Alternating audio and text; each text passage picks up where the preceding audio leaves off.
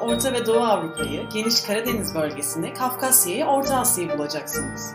Dünyanın ortasında eski Doğu bloğu coğrafyası var. Dünyanın Ortası podcastlerini dünyaninnortası.net adresinden ve podcast kanallarından takip edebilirsiniz.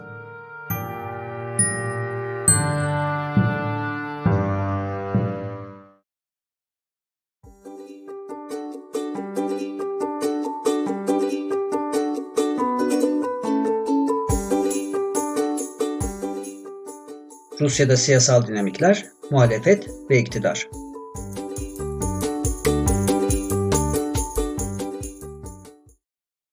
Merhaba, Dünyanın Ortası'na hoş geldiniz. Ben Turgut Tuncel. Bugün hem Rusya'da muhalefet dendiğinde ilk akla gelen isimlerden olan Alexei Navalny'nin Ağustos ayında zehirlenmesi iddiaları hem de Rusya Devlet Başkanı Vladimir Putin'in 17 Aralık'ta gerçekleştirdiği yıllık basın konferansı dolayımıyla Rusya siyasetini konuşacağız. Bizimle birlikte olan konuğumuz Sayın Ksenia Gökmen. Ksenia Gökmen, St. Petersburg'daki Высшая школа экономики, Санкт-Петербургская школа социальных наук и Востоковедения, Департament Государственного администрирования. Ee, yani Türkçe'ye çevirirsek e, Ekonomi Yüksek Okulu'na bağlı St. Petersburg Sosyal Bilimler ve Oryantal Çalışmalar Okulu Kamu Yönetimi bölümünden mezun oldu. Halen ODTÜ Avrasya çalışmaları yüksek lisans programında Türk-Rus ilişkileri, Türkiye-Ukrayna ilişkileri ve Kırım meselesi hakkında akademik çalışmalarını sürdürmekte. ODTÜ Kora, Karadeniz ve Orta Asya Ülkeleri Araştırma Merkezi'nde öğrenci asistanı olarak da görev yapmakta. Sayın Ksenia Gökmen Dünya'nın ortasına hoş geldiniz. Merhaba, hoş bulduk. Sohbetimize ilk olarak Rusya'daki siyasal alanla başlamak istiyorum. Rusya'da nasıl bir siyasal alan var? Önemli siyasi partiler ve hareketler, bunların örgütlenme biçimleri ve yapıları, aralarındaki ilişkiler vesaire. Rusya'daki siyasi alanın genel bir tasvirini yapmanızı istesem neler söyleyebilirsiniz? Davetiniz için çok teşekkür ediyorum. Ee, Rusya'daki siyasi akımlar ve partilerden bahsetmek gerekirse iktidarda Putin'i destekleyen muhafazakar bir parti olan Birleşik Rusya var. Zaten e, Vladimir Putin bu partinin kurucusu e, kurucusuydu. 2016 ee, e, son seçimlerinde bu parti %54 oy aldı mecliste. Ee, ondan sonra Rusya Federasyonu Komünist Partisi var. O da %13.40 e, oy aldı. Ee, Liberal Demokrat Partisi var. O %13 oy alıyor. Ve Sosyal Demokrat akımından e, biri bir parti var. Doğru Rusya ise %6 oy alarak meclise temsil edildi. Yani son durumumuz bu. Türkiye'de Liberal Demokrat Parti Jirinovski sebebiyle çok tanınıyor fakat adını andığınız diğer partiler o kadar tanınmıyor olabilir. Örneğin komünistler ikinci parti dediniz. Bunlar bizim bildiğimiz Bolşevik komünistler mi yoksa adı komünist, kendi milliyetçi veya muhafazakar e, bir parti mi? Ya da sosyal demokratlar siyaset bilimi literatüründe tanımlandığı gibi gerçekten sosyal demokratlar mı? Yoksa farklı bir yerde mi duruyorlar? Bir diğer sorum da şu, bu partiler gerçekten iktidar partisine muhalefet eden partiler mi yoksa iktidar partisiyle daha e, nasıl diyelim iyi geçinen türde partiler mi? Ee, tabii şimdi bu partilerden hiçbir partinden daha önce belirttiğim partilerden hiçbiri beklenen anlamda zorlayıcı ve iddialı bir muhaliflik sergilemiyoruz maalesef. Yani sizin dediğiniz mesela Komünist Partisi'nden de yani bir e, muhaliflik kalmamış diyebiliriz. Yani Sovyet zamanına göre mesela ya da Sovyet dağıldıktan sonra hemen e, sonrası zamanında mesela tabii ki böyle bir muhaliflik kalmadı ve Rusya'daki mevcut olan e, muhalefetle ilgili e, hem halk arasında hem de akademik çerçevelerde bir tartışma var aslında. Yani genelde akademik literatür Rus muhalefeti loyal opposition ya da sadık muhalefet olarak tanımlıyor. Yani e, bunun e, tabii e, bunun en büyük göstergesi de anayasa oylamasında hükümete verilen full destek. Full destek oldu. sadece Komünist Parti'de bir e, e, nasıl söyleyebilirim bunu? Onlar ne hayır ne evet dediler. Boş oy kullandılar. Evet Komünist Parti boş oy kullandı. Yani anayasa e, değişimlerle ilgili bir o oylamalarda yani e, li, Liberal Demokrat Parti mesela full destek verdi. Ya da Doğu Rusya Partisi full destek verdi. Bu yüzden de muhalefetle ilgili çok soru e, var aslında. Yani Rusya'daki muhalefetle ilgili. Ancak meclis dışında e, muhalefet olarak değerlendirilen bence iki kişi var şimdi e, Rusya'da. Yeni bir sosyalizm için hareketinin lideri Nikolay Platoşkin ve son zamanlarda e, tabii ki herkesin zehirlenme olayından hatırlayacağı e, Alexei Navalny. E, ben e, isterseniz Nikolay Platoşkin'den biraz bahsetmek istiyorum. E, çünkü gerçekten e, Alexei Navalny kadar bilinmeyen e, bir kişi bu. Özellikle yurt dışında. Ancak Rusya'da gittikçe daha çok popüler oluyor bence.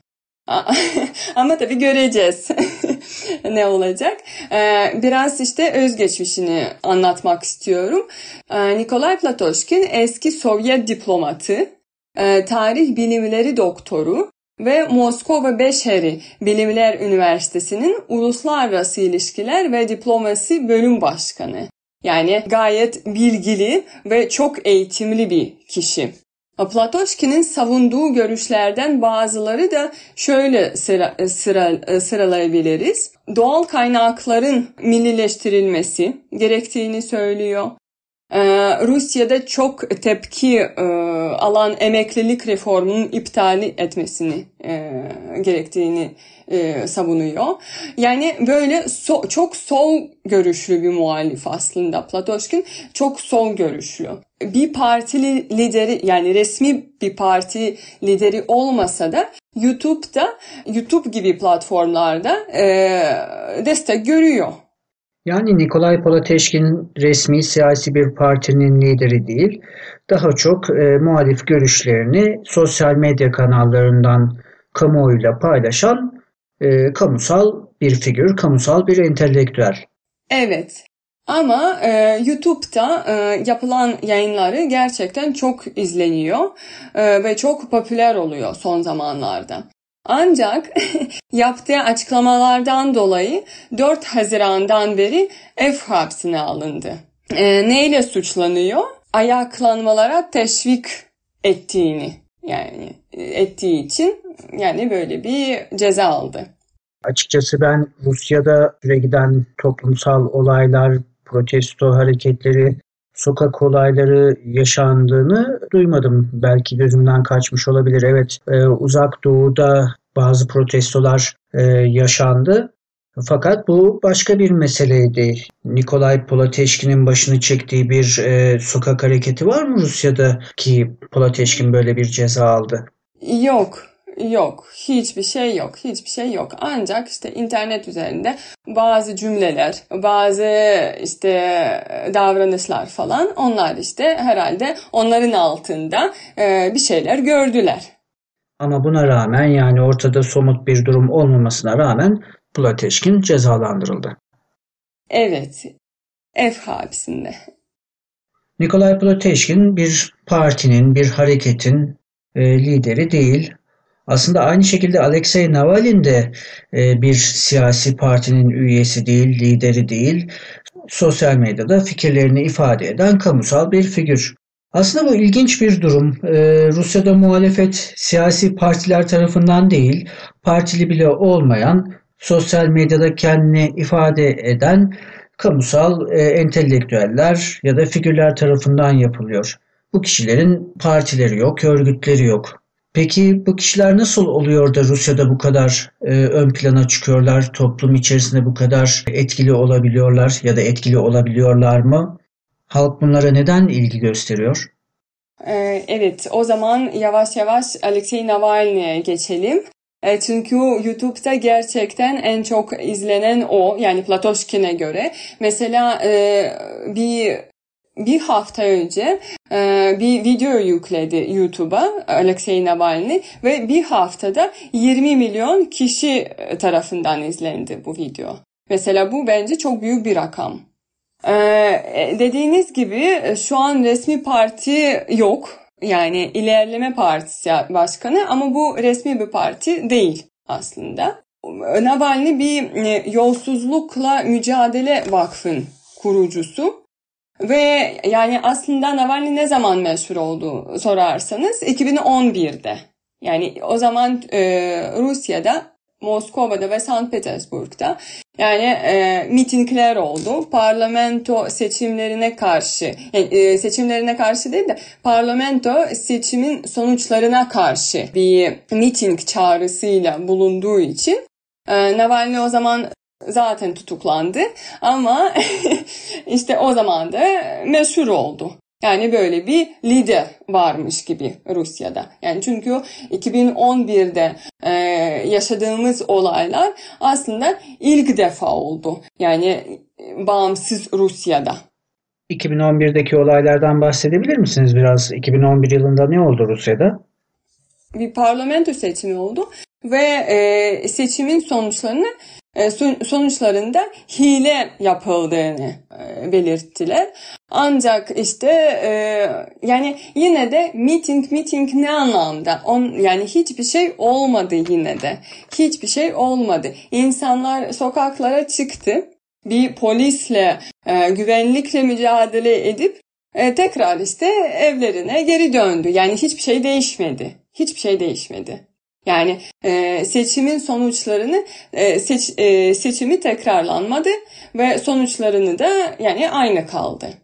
Bu yüzden tamam bu bir e, taban olabilir. Yani Rusya'da da bir muhalefet var. Rusya'da bir muhalif insanlar var ama bu e, bir yani çok ufak bir başlangıç sadece. Ve bu başlangıcı da hemen bastırdılar zaten. Rusya'daki muhalefete dair söylediğiniz şeylerden yola çıkarak Rus halkının siyasetle olan ilişkisini size sormak istiyorum. Rus halkının siyasete ilgisi ne düzeyde? Rus toplumu siyasetle ilgili siyasallaşmış bir toplum mu yoksa tam aksine apolitik bir toplum mu? Rus halkının siyasete yaklaşımına dair gözlemlerinizi bize aktarır mısınız? E, tabii. Bildiğiniz üzere 1991'de e, Sovyetler dağıldı ve gerçekten bütün ülkeler çok kötü, çok e, derin bir ekonomik krizi, krizde bulundu, kendini buldu. O zamandan o zaman insanlar Rus halkı gerçekten çok kötü zaman yaşadı. Yani çok kötü. Özellikle Yeltsin'in döneminde yani ekonomik krizler, sosyal krizler yani e, gerçekten enflasyon, e, işsizlik yani bu yüzden o dönem e, Rus halk için çok kötü bir dönem. Çok kötü bir dönem. Ama o zaman Yeltsin'in ideolojisi neydi? Demokrasi. Yani demokratik bir devlet kurmaya çalışıyordu. Ancak bu demokratik devlet e, kurması ile birlikte işte bu e, krizler düştü. Bu krizler ortaya çıktı. Bu yüzden Rus halkı için demokrasi ve e, demokrasiyle e, şey eşitliyorlar. Yani yolsuzluk, işsizlik, ekonomik kriz yani bütün kötü şeyler demokrasiyle eşitleşiyorlar, eşitliyorlar. Bu yüzden yani bizim için mesela ben onunla onun onunla ilgili de biraz bahsetmek istiyorum. Yani orta ve ileri yaştaki insanlar için Navalny mesela Batı'dan desteklenen ve Rusya'nın iç siyasetini karıştırmaya çalışan biri olarak tanımlanır. Çünkü gerçekten yani Putin'in ideolojisine göre yani ideolojisine demeyelim ama Putin'e göre en önemlisi bizim ülkemiz için Rusya için stability. Yani her şey stabil olsun. Bu yüzden muhalefet ya da baş, başka akımlar yani ortaya çıktığında bu stability'ye yani karşı çıkmış oluyorlar.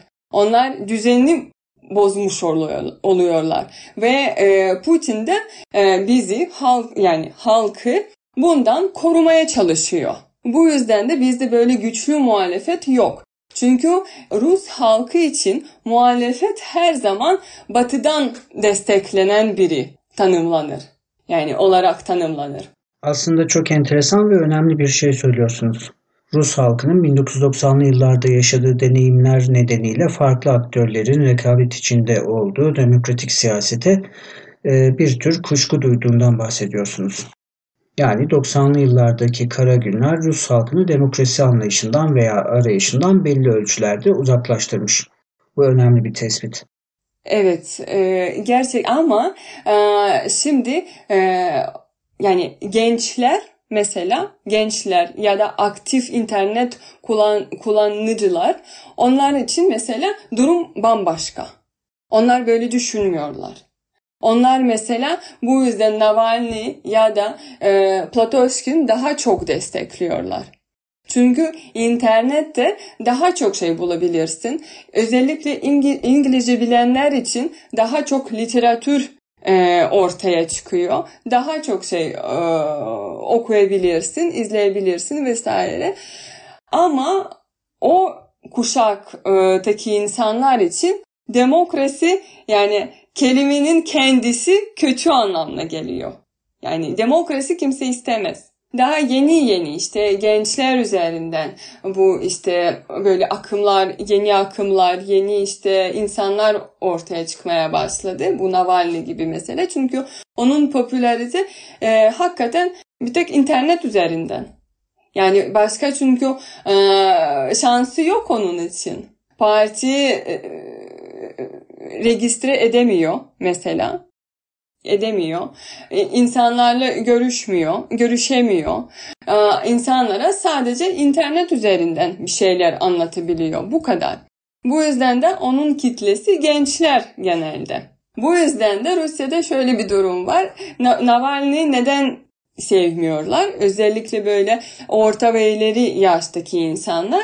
Çünkü yani Navalny'nin kitlesi daha çok genç insan olduğu için gençler ne anlar diyorlar. Gençler çünkü çok şey yaşamadılar. Ne anlayabilir? Yani işte Amerika'ya bakıyorlar, Avrupa'ya bakıyorlar. Ama aslında işte e, bakın Ukrayna'da neler oldu, bakın işte Gürcistan'da neler oldu, Belorusya'da neler oluyor. Onlar hepsi sanki işte batıdan gelen bir kışkırtma olarak e, görüyor bunu mesela. Bu yüzden de bizde tabii şimdilik muhalefet böyle bir e, sağlam bir sağlıklı muhalefet tabii ki yok Rusya'da. Peki Rusya'da internete erişim konusunda sıkıntılar yaşanıyor mu?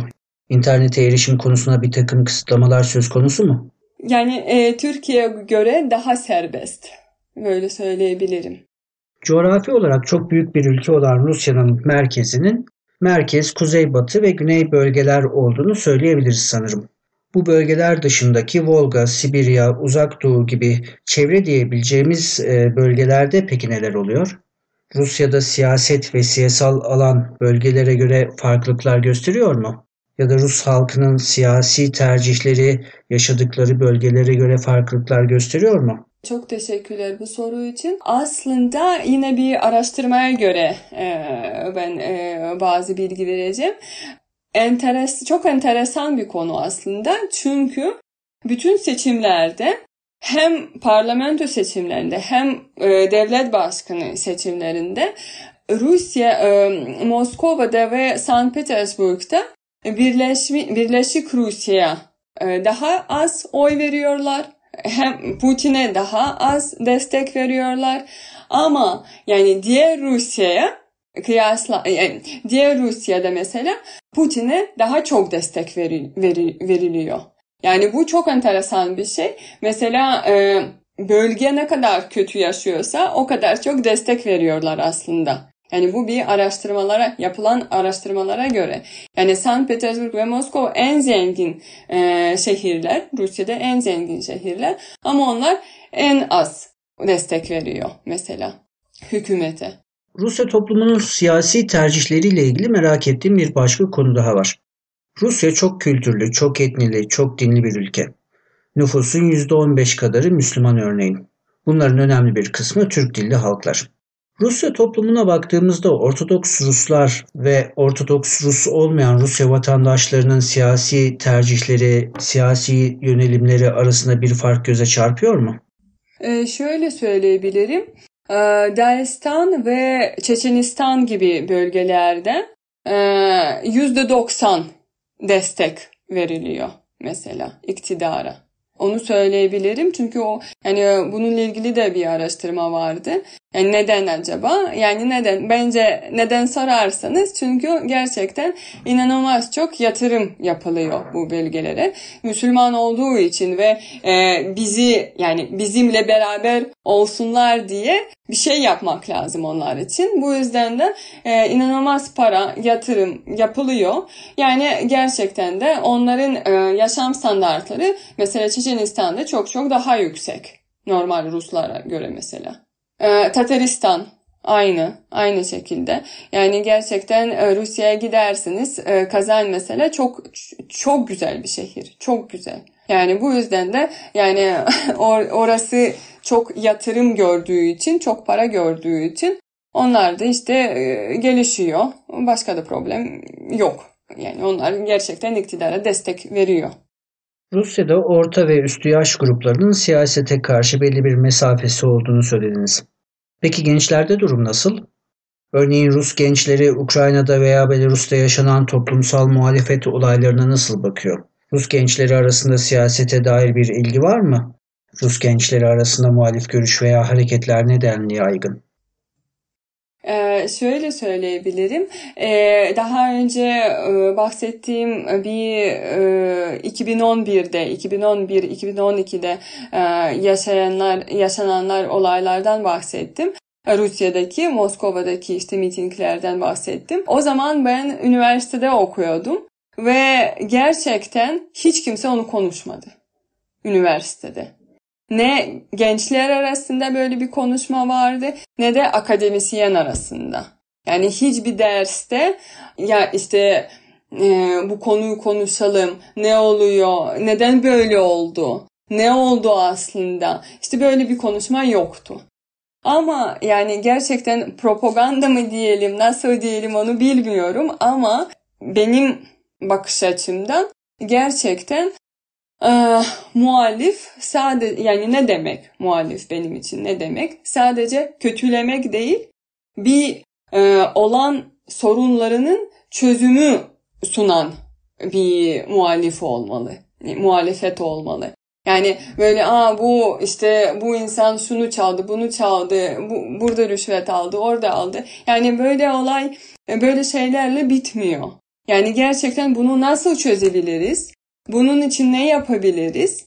Böyle bir program yok ortada. Bu yüzden tabii ki bütün işte ortaya çıkan mesela Navalny gibi muhalifler e, tabii ki böyle şüpheye düşüyorsun. E, çünkü yani adam neden sadece işte nasıl söyleyeyim neden böyle bir şey istiyor? Neden işte bütün pisliklerini ortaya e, çıkarmak istiyor? Neden acaba? Yani sonra bu adam ne yapacak? Çünkü bir program yok, bir şey yok ortada. Bir de gerçekten çok örnek var. Mesela Gürcistan'da işte biliyoruz. Oradaki de, yapıldığı devrim Soros desteğiyle yapıldı. E, ya da işte Kırgızistan'da ya da işte Belorusya'da aynı şey diyorlar. İşte Soros'un desteğiyle yapıldı. Doğru mu yanlış mı bilmiyorum.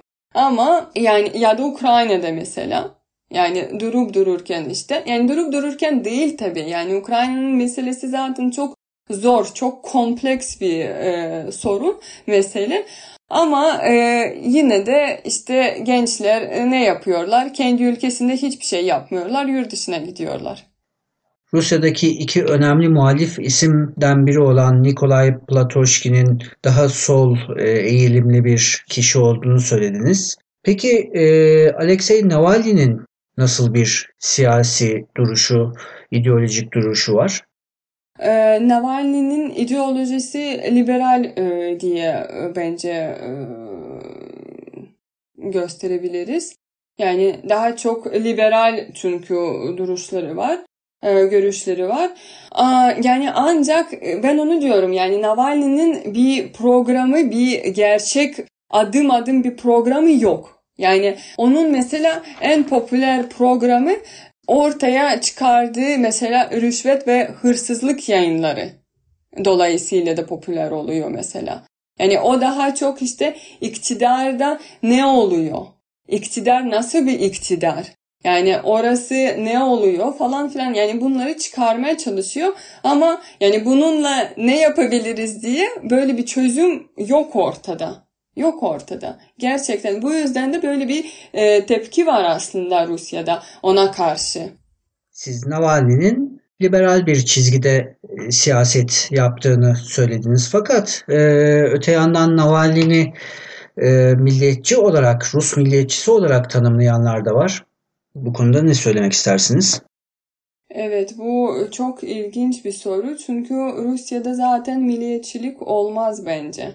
Yani e, neden olmaz? Çünkü biz e, yani e, multi etnik Türkçesi neydi? Çok etnikli e, toplum. E, bu yüzden bizde milliyetçilik e, pek olmaz. Yani milliyetçilik e, yani biz milliyetçiliği nasıl görüyoruz? Yani nasıl biliyoruz?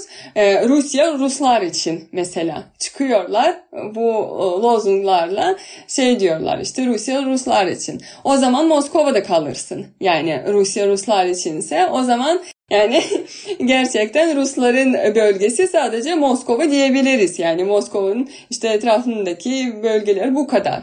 Bu yüzden yani Rusya'da milliyetçilik Olmaz, olamaz zaten. Çünkü yani o kadar çok e, halk, o kadar çok kültürle beraber yaşıyor, yaşıyoruz ki yani milliyetçilik bir gör, yani görüşü olamaz Rusya'da. Bu yüzden yani biz Navalny daha çok böyle liberal e, akımlarına şey yapıyoruz, yerleştiriyoruz.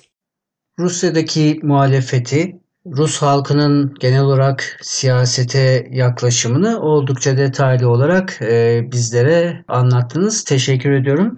E, şimdi biraz da Rusya'daki iktidar bloğu veya cephesine değinmek istiyorum. Bir yanda Vladimir Putin'in mutlak güce sahip olan bir lider olduğuna dair bir algı var. Öte yandan Rusya'da iktidarın esasen farklı aktörlerin içinde yer aldığı bir iktidar bloğunun elinde olduğu, Putin'in ise aslında bu bloğun görünen yüzü olduğuna dair görüşlerle de karşılaşıyoruz. Bu yöndeki görüşlerin özellikle Slovaki diye anılan ordu, istihbarat gibi güvenlik e, yapılanmalarının üst düzey kadrolarına vurgu yaptıkları görülüyor. Peki Rusya'da iktidarın nasıl bir yapısı var? Putin Rusya'da mutlak iktidar mı? Bir nevi 21. yüzyıl Rus çarı mı? Yoksa Rusya'yı yöneten bir blok veya koalisyondan bahsedebilir miyiz? Böyle bir blok veya koalisyon söz konusuysa Putin'in bu blok veya koalisyondaki rolü yeri nedir acaba? Evet, e, Rusya'da bence bir koalisyon var ama biz ona koalisyon demiyoruz. Biz Putin'in ekibi diyoruz.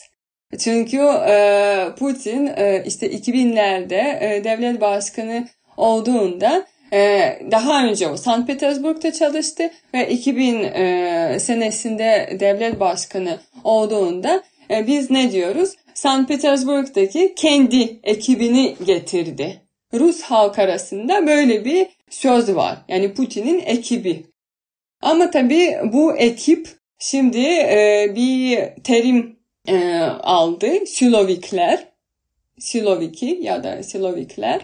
E, bunlar kim sorarsınız? İç istihbarat, gizli servis ve ordu gibi güvenlikle ilgili kurumlarından gelenlere e, söyleniyor. İşte Siloviki. Ama gerçekten bu işte Putin'le daha önce çalışan ya da e, Putin'i daha önce tanıyan kişiler. E, şimdi e, gerçekten bazı literatürde mesela ne diyorlar? Yeltsin zamanında oligarklar çıktı. Putin gelince de bu oligarkların yerine Slovaklar, Siloviki, Siloviki geldi diyorlar. Bu yüzden de bu e, Siloviklere ne diyorlar? Silovark diyorlar. Yani aslında oligarklardan çok da fark yok. Ama böyle e, güvenlikle ilgili kurumlarından geldiği için onlara böyle Silovark diyorlar. Ama gerçekten de yani en önemli e, üst pozisyonlara bakarsanız yani bu tür insanlar bu pozisyonlara sahip ve gerçekten 2000'lerden yani 2000 senesinden beri aynı kişileri görüyoruz aslında. Ve tabii ki yani bir koalasyon ya da bir ağ var diyebiliriz tabii ki. Çünkü ne görüyoruz? Mesela Medvedev başbakandı. İşte işi e, çok efektif olmadığı için onu işte e, pozisyondan başbakanlığından aldılar. Ama daha iyi bir pozisyon verdiler mesela. Yani güvenlik konseyinde. Yani bu insanlar sistemden bir türlü çıkmıyor. Çıkmıyor. İnsanlar için tamam bir işte bir hareket oluyor, bir şeyler oluyor. İşte geçen sene e, Putin'i işte e, pozisyondan aldılar. E, Meşrustin'i getirdiler. İşte güya Meşrustin bütün işte bakanlarını değiştirdi ama çok da değiştirmedi diyebiliyoruz. Yani yine de aynı tür kişilerden oluştu bizim işte hükümetimiz. Bu yüzden gerçekten bir koalisyon ya da bir ağ var diyebiliriz tabii ki. Bazı uzmanlar Putin'in iktidardan uzaklaşması durumunda Rusya siyasetinde, dış politikasında önemli değişimler olabileceğini düşünüyor. Hatta bazıları umudunu buna bağlamış görünüyor. Diğerleri ise sizin ağ olarak tanımladığınız yapıya vurgu yaparak Putin gider, Putin gelir, Rusya siyasetinin esaslarında bir değişim olmaz fikrinde. Siz bu konuda ne düşünüyorsunuz? Ee, tabii ben de böyle düşünüyorum. Neden? Çünkü yani muhalefete dönersek bizde sağ, yani sağlam bir muhalefet yok. Bu yüzden yani Putin yani çünkü muhalefet e, tamam olabilir ama yani mesela Türkiye'de gibi mesela CHP e, CHP'ye bakarsak bu aslında yani Türk Cumhuriyeti e, kuruşundan beri olan bir parti diyebiliriz. Yani bunca seneler yani e, bunca seneler tabii ki o e, alternatif olarak gözükebilir mesela. Ama Rusya'da böyle bir şey yok. Yani bir muhalefet yok. Bir muhalif yok. Yani biz şimdi yani dışarıdan gelen e, insana nasıl oy verebiliriz? Yani nasıl güvenebiliriz? Yani bu sistem böyle bir derinleşti ki yani insanlar da artık bir yani değişimden korkuyor. Çünkü yani muhalefet yok görmüyoruz biz onu görmüyoruz. Yani Jirinovski'yi mi seçeceğiz? Yoksa Zügan'ı mı seçeceğiz? Yani böyle bir şey yani olamaz. Hazır Jirinovski'nin adı anılmışken kendisiyle ilgili bir soru sormak istiyorum. Jirinovski Türkiye'de tanınan bir isim ve gerek hali tavrı gerek yaptığı açıklamalar sebebiyle Türkiye'de bir kısım insan Jirinovski'yi bir çılgın bir insan ya da e, deyim yerine ise bir şarlatan e, gibi e, görüyor. Fakat diğer bir kısım insan ise aslında Jirinovski'nin e, göründüğünden daha önemli ve ciddi bir figür olduğunu aslında Rusya devletinin e, resmi olarak söyleyemediği şeyleri Jirinovski aracılığıyla karşısındakine ifade ettiğini düşünüyor. Biliyorsunuz Jirinovski e, Türkiye ve Rusya arasında uçak krizi yaşandığında İstanbul'a atom bombası atılması gibi laflar etmiş bir isim. Jirinovski'nin Rusya siyasetindeki yeri hakkında sizin görüşünüz nedir? Rusya halkı Jirinovski'yi nasıl bir figür olarak algılıyor? Enteresan tarafı da Rusya'da da aynı şeyler söylüyorlar Jirinovski için. Yani iktidarın söylemediği şeyler Jirinovski söylüyor. Yani bunu biz de aynı şekilde algılıyoruz Jirinovski'yi. Ee, ve gerçekten de yani palyaço yani dışarıdan böyle palyaço gibi biri şey gözükebilir ama e, çok e, öngörüşlü bir adam aslında. Mesela 2000 ta 2000'lerde o Ukrayna'da yani bir sıkıntı e, çıkacağını tahmin etti mesela. Yani tahmin değil de olacağını söyledi mesela. Yani Ukrayna'da böyle bir durum var dedi. Yani ve er ya da geç bir sıkıntı çıkacak diye söyledi.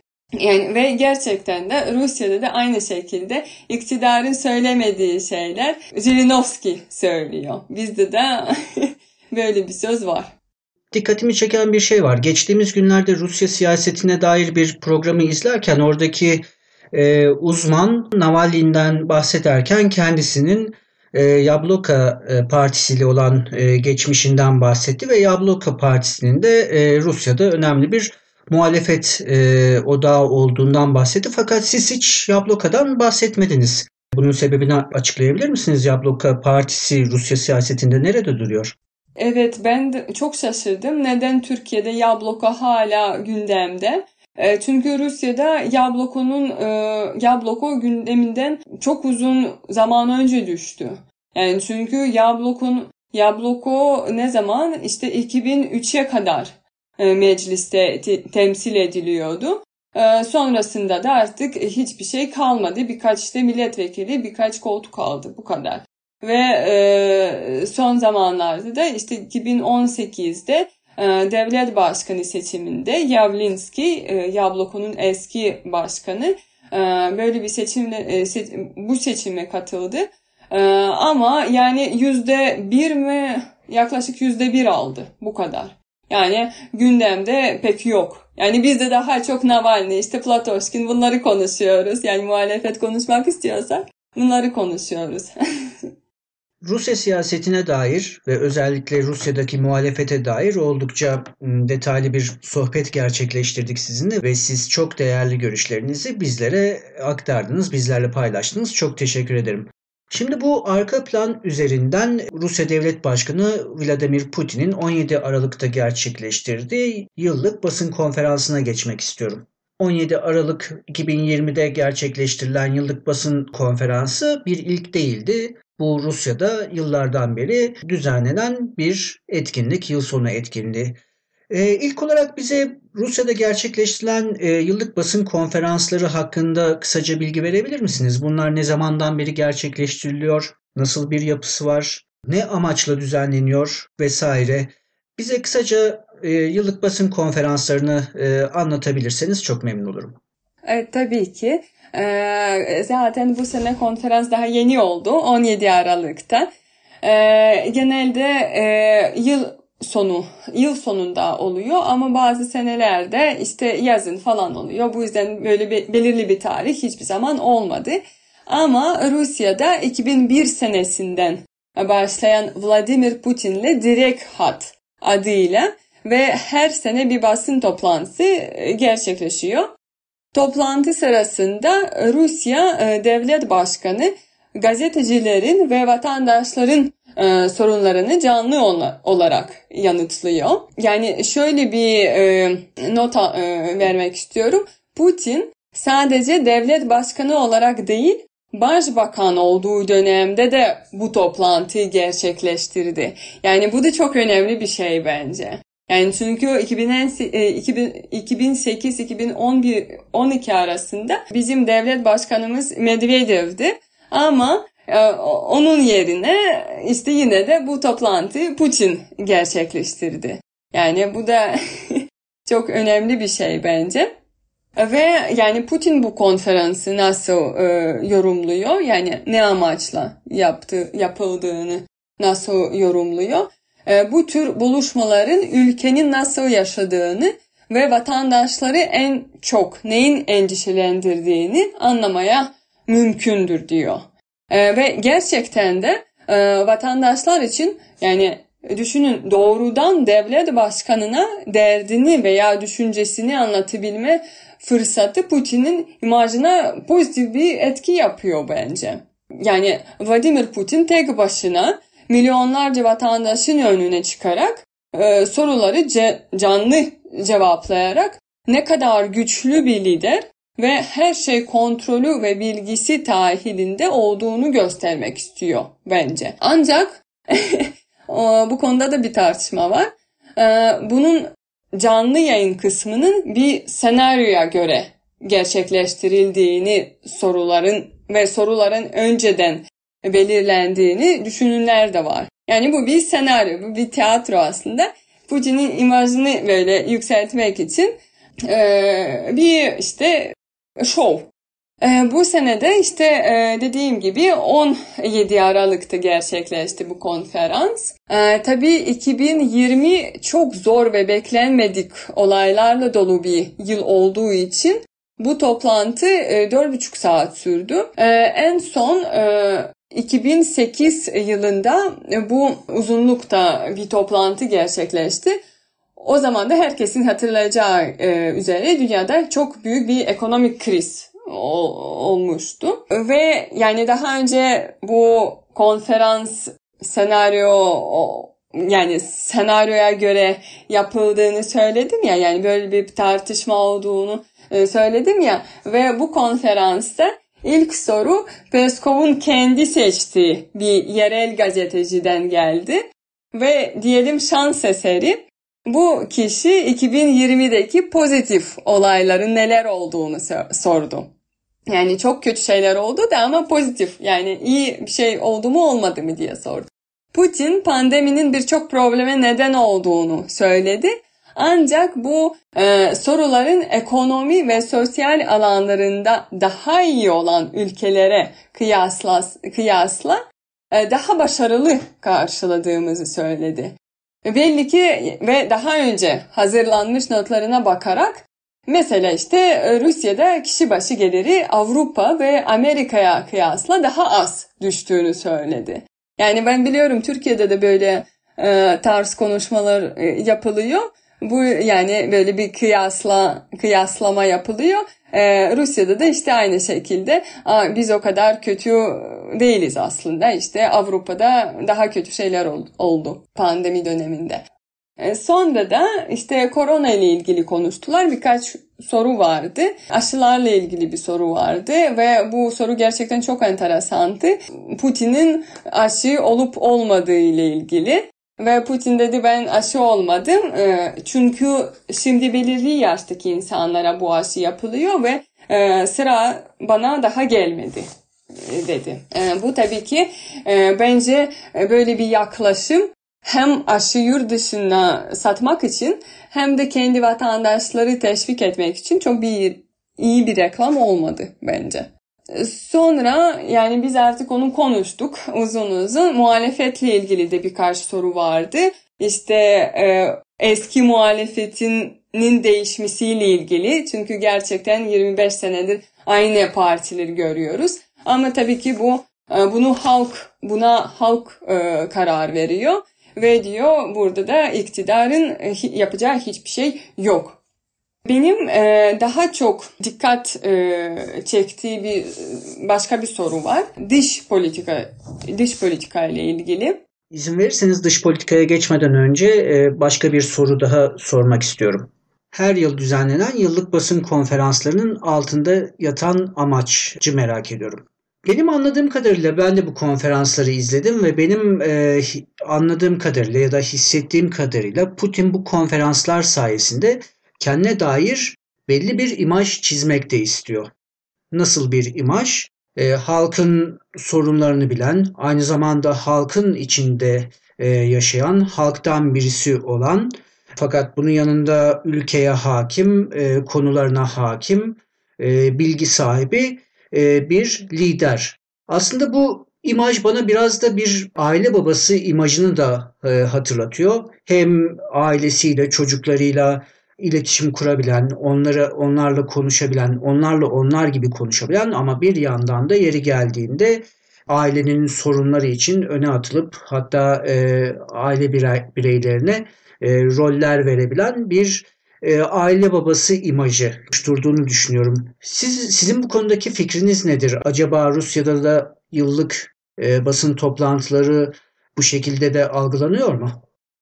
Evet, e, yine orta ve ileri yaştaki insanlar için bu imajı oluşuyor. E, ancak YouTube'a bakarsanız, e, çünkü YouTube'da, YouTube'da da yayınlandı bu konferans ve yani like'tan daha çok dislike alıyor bu konferanslar. Hep de böyle. 4 seneye baktım ben ve hep dislike daha çok e, toplanır. Bu yüzden de e, tabii ki yani dışarıdan bakarsan e, gerçekten e, çok iyi bir fikir. Yani e, halkla konuşmak, halkının dertlerini dinlemek. Yani hemen çözmek çünkü bazı e, meseleleri mesela Putin hemen çözüyor. Yani hemen işte bir telefon edip işte e, emrediyor işte bir şeyler çözüyor. Ama yani bu böyle e, değil. Yani gerçekten değil. Çünkü insanlar e, gerçekten artık e, bir hareket istiyorlar. Yani hareket derken bir reform istiyorlar. Reformlar istiyorlar. E, çünkü gerçekten Rusya'da durum durumu yani iki üç meseleyi çözerek yani bütün olayı çözmüş olmuyorsun maalesef.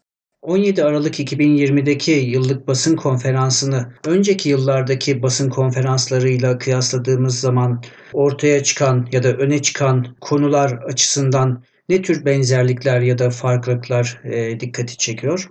Bu seneki konferansta önceki senelerde tartışılmayan, ele alınmayan konular gündeme geldi mi? Ee, şunu söyleyebilirim. 2014-2015'ten sonra yapılan konferanslarda daha çok artık iç e, siyasetle ilgili sorular öne çıkıyor.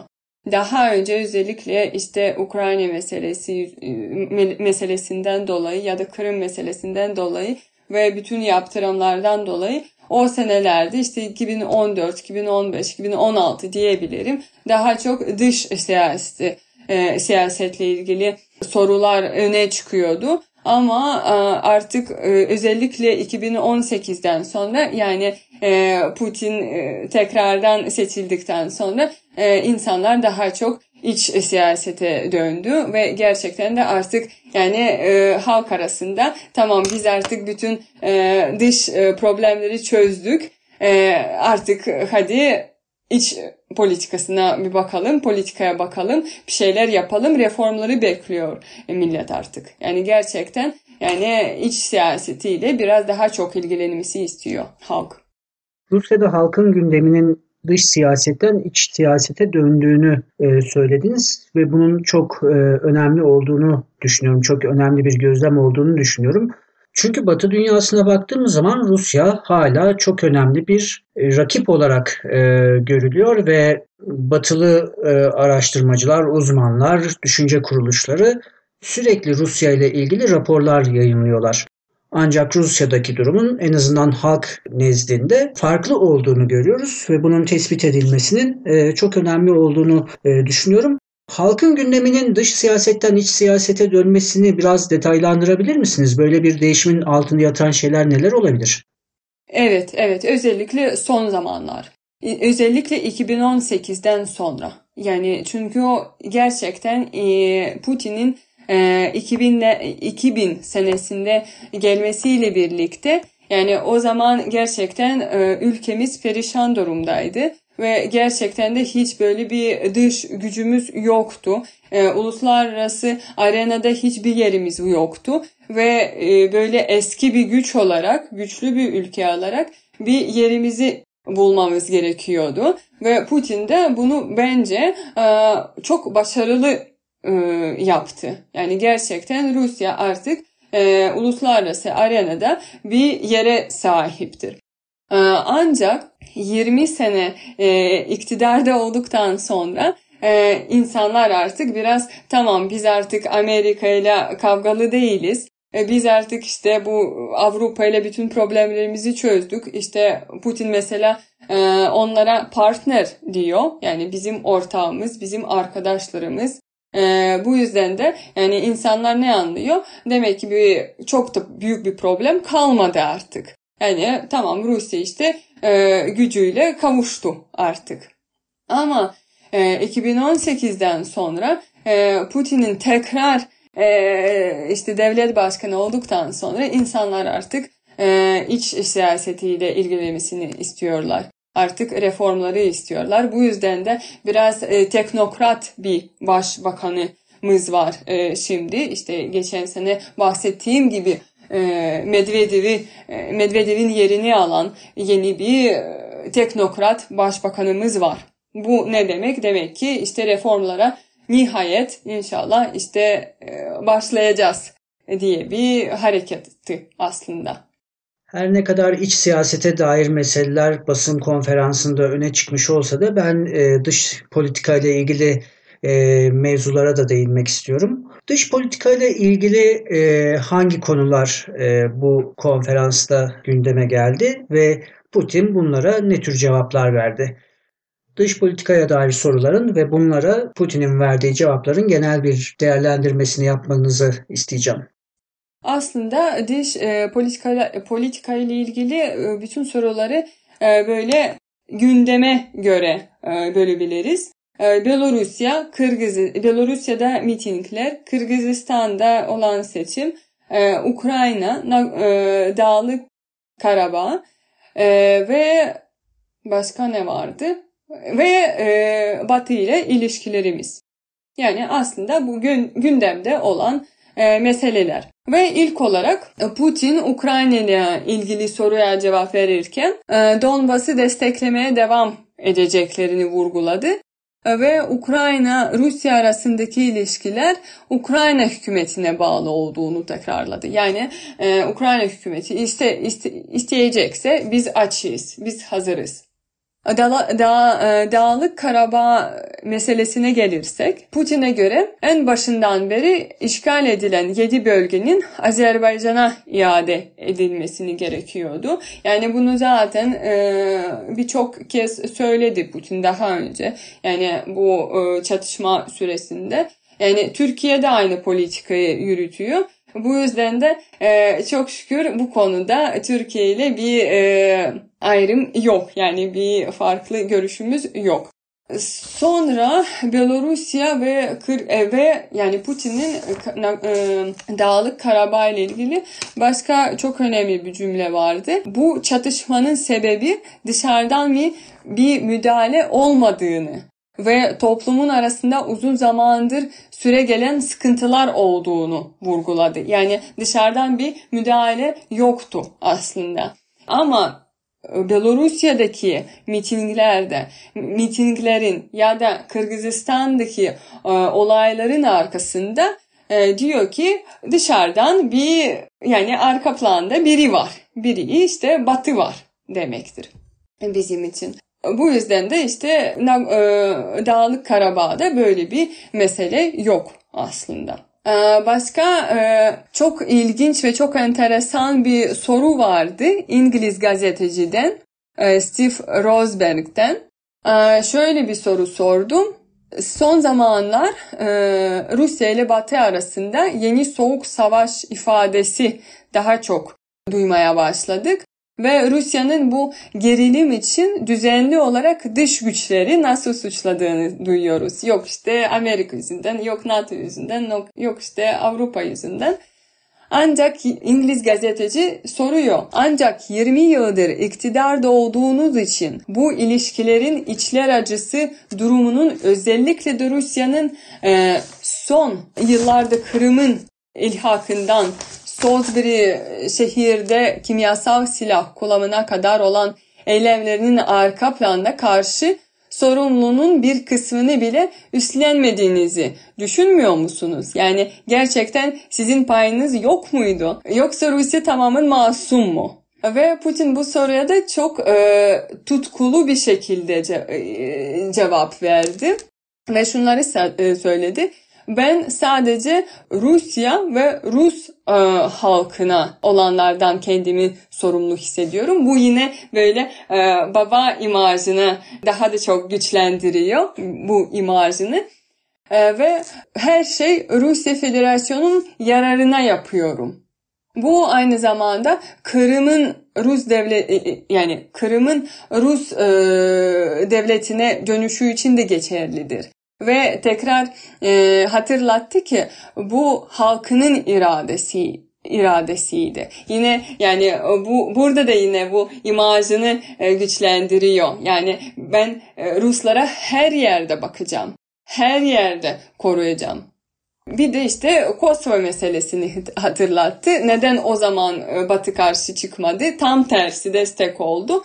Kırım'da da işte e, yaptırım, ilhak e, falan e, ifadesiyle ifadeleri kullanıyorlar. Ee, ve e, bir cümle çok ilginç bir cümle daha vardı.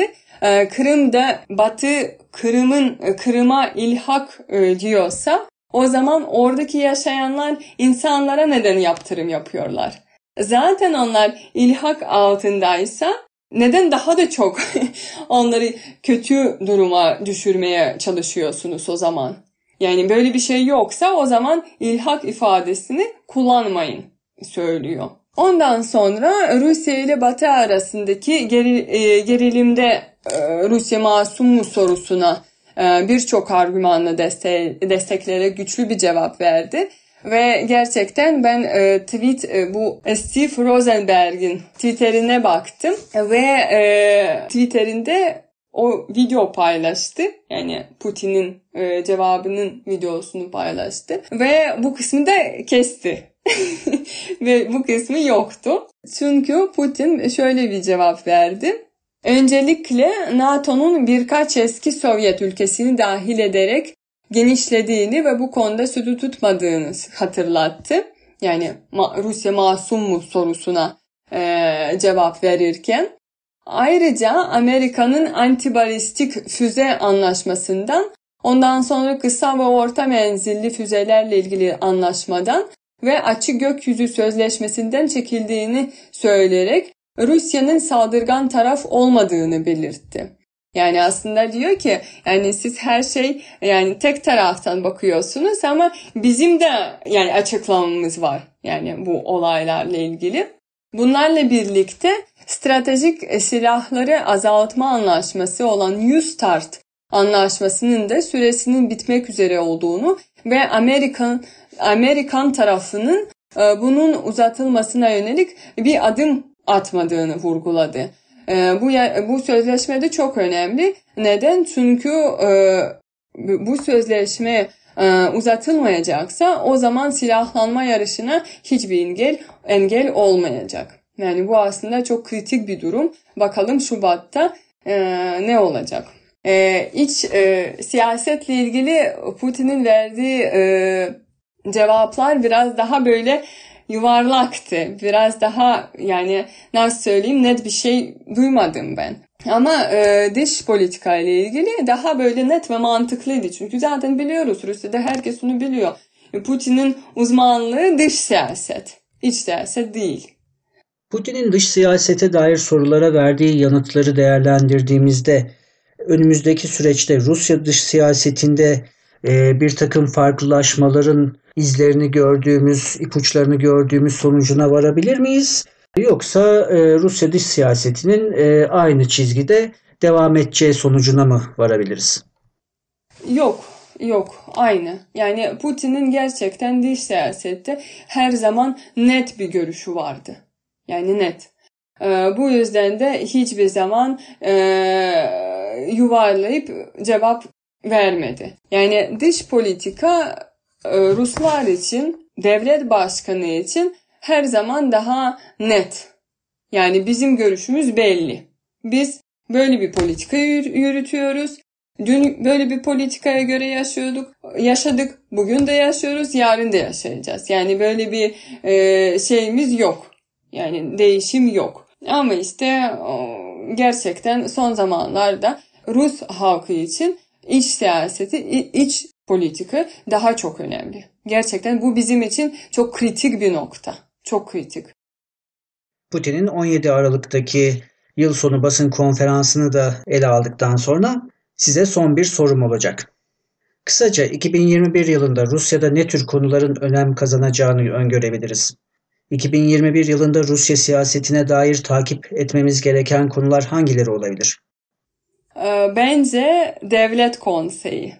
Biliyorsunuz anayasaya e, bu bir branch olarak, yeni bir organ olarak anayasaya girdi. Ve e, tam birkaç ay önce e, Putin yasal olarak artık bakanı oldu. Bu işte devlet konseyin bakanı oldu. Ve şimdi ne diyorlar Rusya'da? Acaba 2020 e, yılbaşı konuşmasında Yeltsin gibi bırakacak mı acaba? Yeltsin gibi e, ve görüyoruz da Kazakistan'da mesela aynı devlet konseyi oluştu ve Nazarbayev oraya geçti. E, işte bununla ilgili de çok tartışma oldu zaten 2019'da. Ama son zamanlar görüyoruz ki yani yasaya bak yasalara yeni gelen yasalara bak yasalara bakarsak görüyoruz ki böyle bir e, hazırlık varmış gibi. Rusya çalışanlar için önemli bir ipucu verdiniz. E, devlet konseyi'nin takip edilmesinin e, önemli olabileceğini söylediniz. Madem öyle ben de önümüzdeki günlerde Rusya'daki devlet konseyi konusunu daha yakından takip etmeye çalışacağım. Evet, takip etmemiz gerçekten gerekecek. Çünkü o e, devlet konseyi ile ilgili çok e, yeni yasa geldi e, Rusya'da. Bu yüzden işte göreceğiz. Ama benim umudum gelecek senelerde dış siyaset değil daha çok iç siyaseti konuşabileceğiz. Evet, bugün ODTÜ Avrasya Çalışmaları Yüksek Lisans Programı'nda akademik çalışmalarına devam eden Sayın Ksenia Gökmen'le e, Rusya siyasetini konuştuk. E, kendisi bizlere Rusya siyasetine dair çok önemli ve çok açıklayıcı gözlemlerini ve düşüncelerini aktardılar. Kendisine dünyanın ortasına konuk olduğu için çok teşekkür ediyorum. Davet ettiğiniz için ben de çok teşekkür ediyorum. Evet böylelikle 2020 yılındaki podcastlerimizin sonuncusunu da tamamlamış olduk. Gerçi bildiğiniz gibi biz e, yayınlarımıza e, bu senenin 25 Kasım'ında başladık. Yani bir aydan biraz uzun bir zamandan beri e, Dünyanın Ortası yayında. Tabii ki Dünyanın Ortası 2021 yılında da yayınlarına devam edecek. Umarım e, 2021 yılı hepimiz için 2020'den çok daha güzel bir yıl olur. O halde 2021'de görüşmek üzere.